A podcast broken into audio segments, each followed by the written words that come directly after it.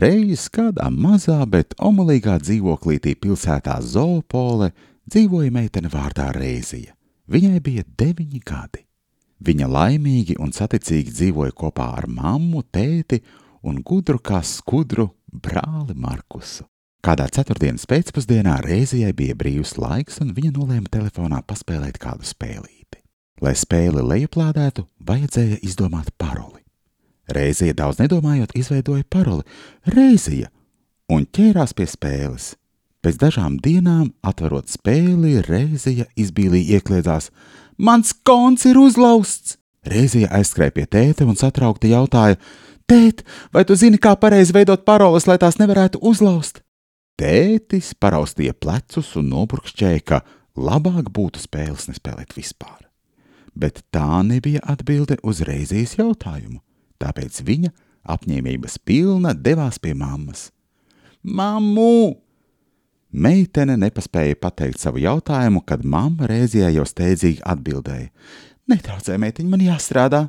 Rēzija noskumusi apsēdās uz dīvāna. Te piepeši viņai atmiņā attausa, ka lielais brālis Markus nesen skolā veidoja prezentāciju droša parole.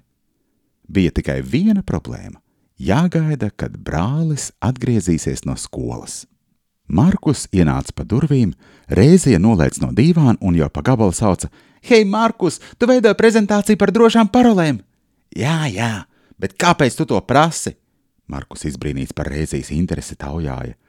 Reizija vienā elpas vilcienā izstāstīja visu, kas bija noticis. Markus, redzot, ka lieta ir nopietna, apsēdās un sāka skaidrot.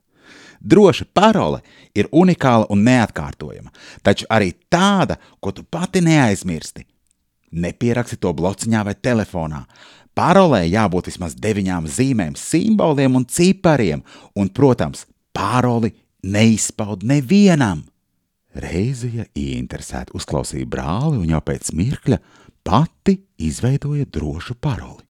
Kopš tā laika viņas spēles kons bija drošībā.